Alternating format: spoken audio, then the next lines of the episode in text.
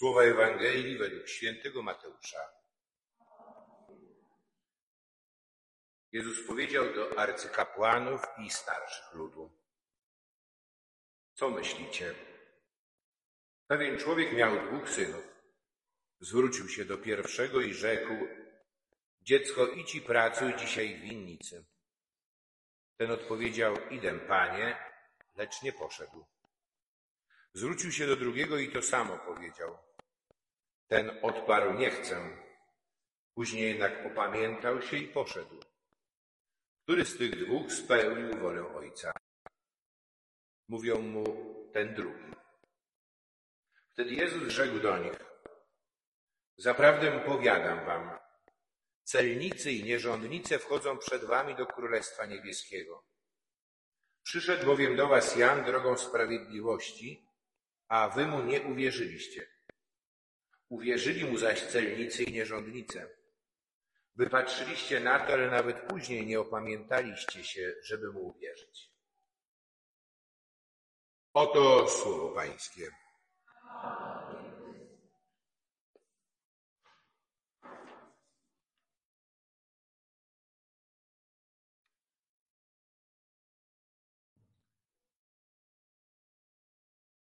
Nie tak dawno dzwonił ktoś do mnie, pochodzący z naszej parafii, jak powiedział, w sprawie świstka do tego, żeby być rodzicem chrzestnym.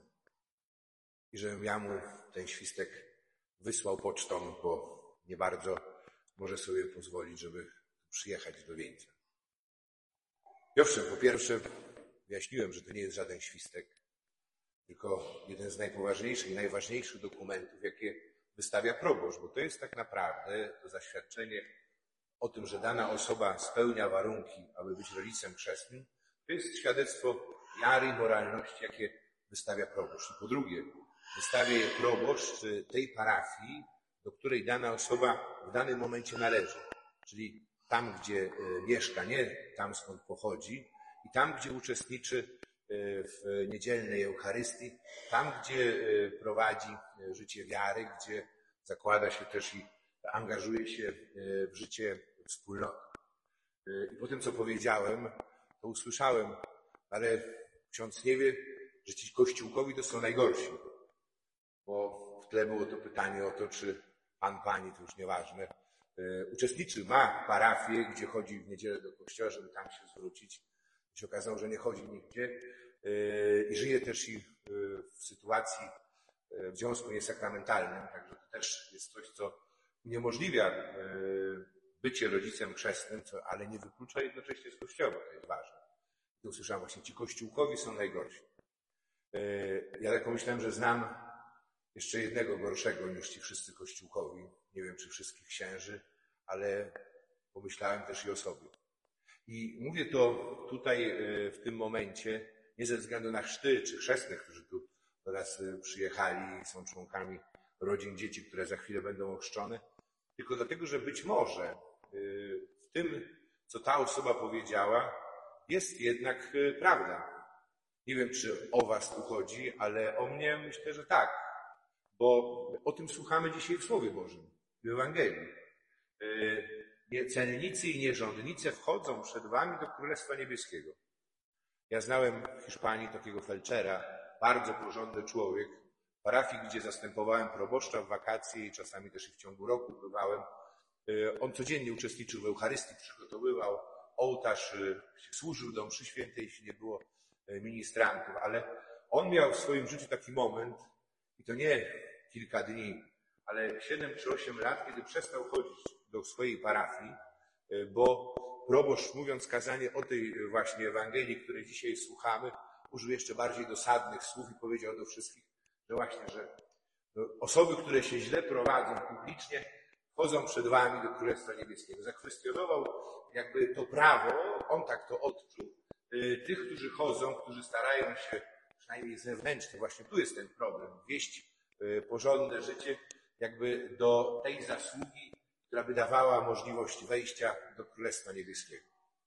Y, co mówi nam Ewangelia?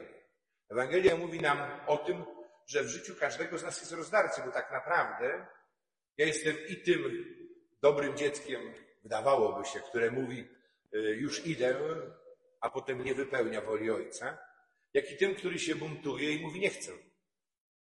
To jest y, coś, co powoduje, czy opisuje wewnętrzne rozdarcie, które jest we mnie, ale to rozdarcie to jest y, pewnego rodzaju napięcie, które może wyzwolić taki ruch wzrostu, ruch dojrzewania. To jest tak jak w naszym życiu, kiedy człowiek wchodzi w okres dojrzewania, to w pewnym momencie taki nastolatek zaczyna na przykład swoim rodzicom mówić nie. I to czasami w sprawach jakby drugorzędnych, bo po co to robi? Bo on potrzebuje potwierdzenia swojej własnej niezależności, e, potwierdzenia swojej tożsamości. I my tak często e, robimy, i to potrzeba jest, bo ten człowiek, ten syn, który mówi ojcu nie chce, on zdaje sobie sprawę z tego, co jest w jego, co jest w jego sercu. I on się nie oszukuje. On zwraca uwagę właśnie na te uczucia, na emocje, yy, jako ujawnia to, że jego patrzenie na świat i na życie jest yy, skoncentrowane na nim samym. To jest tak, jak wiele osób mówi, na przykład yy, nie chodzę, albo chodzę do kościoła, bo czuję, albo nie czuję takiej potrzeby. Prawda? I czy źle dobrze, że o tym mówią, bo mówią o tym, co jest w ich sercu. Tylko, że potem, jak człowiek dojrzewa, to przychodzi refleksja, że ja nie jestem pępkiem świata, że jest jeszcze Pan Bóg, który jest ponad wszystkim, że są inni ludzie, którzy mnie obdarzają miłością, których ja kocham, są ludzie, za których jestem odpowiedzialny i że wybór dobra, czy takiego, czy innego postępowania nie jest tylko owocem tego, co mi się chce, albo mi się nie chce. I y, to słowo, ono tak naprawdę jest dla nas szansą. Szansą tego, żebyśmy zobaczyli, że w tej perspektywie ci, którzy są publicznymi grzesznikami, tak jak byli w czasach Jezusa celnicy, nierządnicy, y, oni po pierwsze nie są skazani na potępienie. Y, pierwsze czytanie z Księgi Ezechiela mówiło wprost, że Bóg nie chce śmierci grzesznika, że z jednej strony My jesteśmy odpowiedzialni za nasze życie i za naszą przyszłość.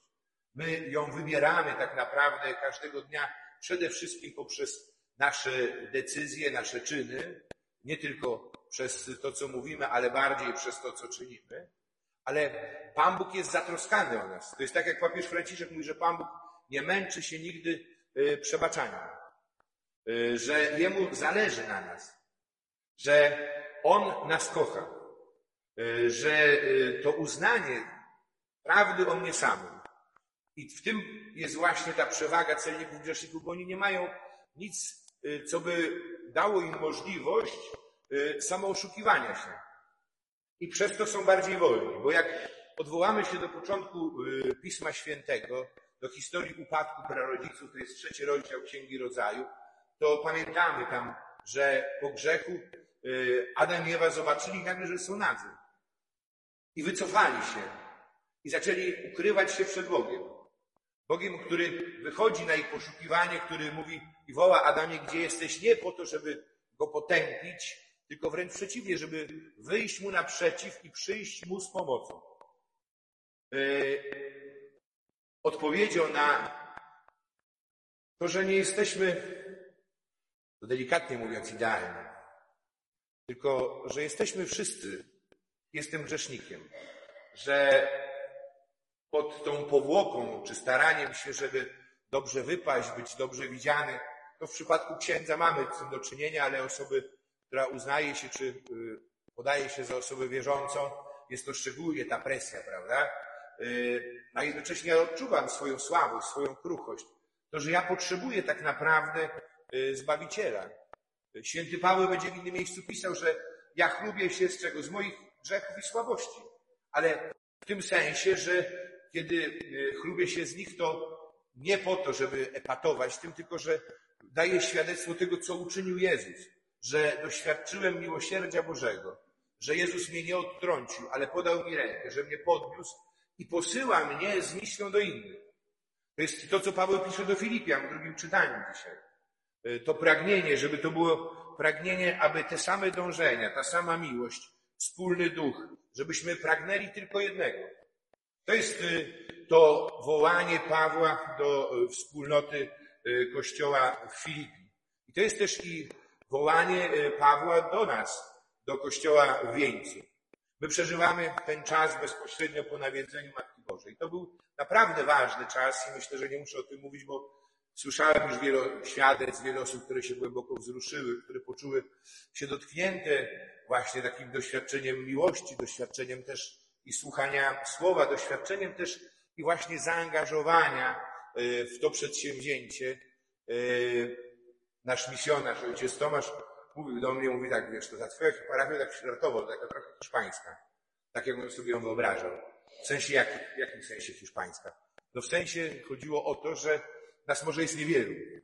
Zwłaszcza w tym czasie misji, yy, no takiego tłumu nie było, ale to tłum to jest masa ludzi. To było bardzo wiele osób, które było, witały Matkę Bożą, które ją adorowały, żegnały. Natomiast ten czas bezpośredniego przebywania, choć jakby wszystkich połączył, tych, którzy byli przy kapliczkach, tych, którzy też i przychodzili i słuchali yy, naszego misjonarza i wspólnie się modlili, przygotowując się do tego czasu, to była też i znacząca yy, liczba, yy, przynajmniej jak na nasze, jak na nasze warunki. I teraz mówi, ale mówi, że w tym sensie hiszpański, jak trochę parafia, bo ci, którzy są, choć może nie jest ich tak wielu, oni jakby wydają się poczuć odpowiedzialni za tę parafię. Że ta ilość osób zaangażowanych, ona jest też i świadectwem. I mówię tu o tym dlaczego, bo to jest pewna forma dojrzewania. To doświadczenie nawiedzenia Matki Bożej naszej parafii było też takim doświadczeniem, że wiele osób się odważyło, że wyszło ze swojego ukrycia, swojej kryjówki, zrobiło to przynajmniej pół kroku do przodu, że w taki czy inny sposób się zaangażowało, czy przyznało się, żeby przyjąć Matkę Bożą, chociażby dekorowali swój dom, przyszli dekorować Ci drogę, w taki czy inny sposób zaangażowali się w to wydarzenie. I teraz o co chodzi? Chodzi o to, żeby to, co było czymś wyjątkowym, co wyzwoliło taki proces dojrzewania, żeby szło dalej, żeby nam pozwoliło wewnętrznie się integrować, ale też integrować się jako wspólnota. To jest to, o czym pisze święty Paweł, żebyśmy wzrastali w tym dążeniu do tego, żeby być jednym duchem, jednym duchem, jedną miłością, żebyśmy nie pragnęli niczego dla niewłaściwego współzawodnictwa, ani dla próżnej chwały, ale w pokorze oceniali innych za wyższych od siebie. I odkrywali to, że zostaliśmy obdarowani. Obdarowani przez Boga Jego miłością, Jego miłosierdziem. I żebyśmy wstępując do Królestwa Niebieskiego brali za nie odpowiedzialność, czyli stawali się misjonarzami, stawali się tymi, którzy dobrą nowinę o zbawieniu, o tym, że Bóg kocha każdego człowieka, że Bóg troszczy się i poszukuje każdego człowieka, jeśli do tych ludzi, z którymi spotykamy się na co dzień w tych wszystkich przestrzeniach naszego życia. A jednocześnie sami właśnie wzrastali, żeby ten rozdźwięk wewnętrzny stawał się coraz mniejszy, żebym ja coraz bardziej poprzez swoje czyny, poprzez swoją postawę wyrażał to, co jest w moim sercu. Jednocześnie, żeby te dobre czyny one kształtowały też i serce. O to prosimy dla nas tej Eucharystii, prosimy za całą naszą wspólnotę, za tych, z którymi dzielimy czas i miejsce naszego życia. Prosimy za te dzieci, które za chwilę przyjmą sakrament Chrztu Świętego, aby właśnie poprzez złączenie z Chrystusem wzrastały w wierze i w miłości, aby wzrastały też właśnie w tym dążeniu do tej jedności i aby też ten moment był takim ważnym momentem w życiu ich rodziców, w życiu ich bliskich, żeby pobudził ich też do tego, aby biorąc odpowiedzialność za wychowanie swoich dzieci w wierze, jednocześnie otworzyli się na tę dobrą nowinę o zbawieniu i szli z radością i z nadzieją tą drogą, na którą Pan nas wszystkich zaprosił.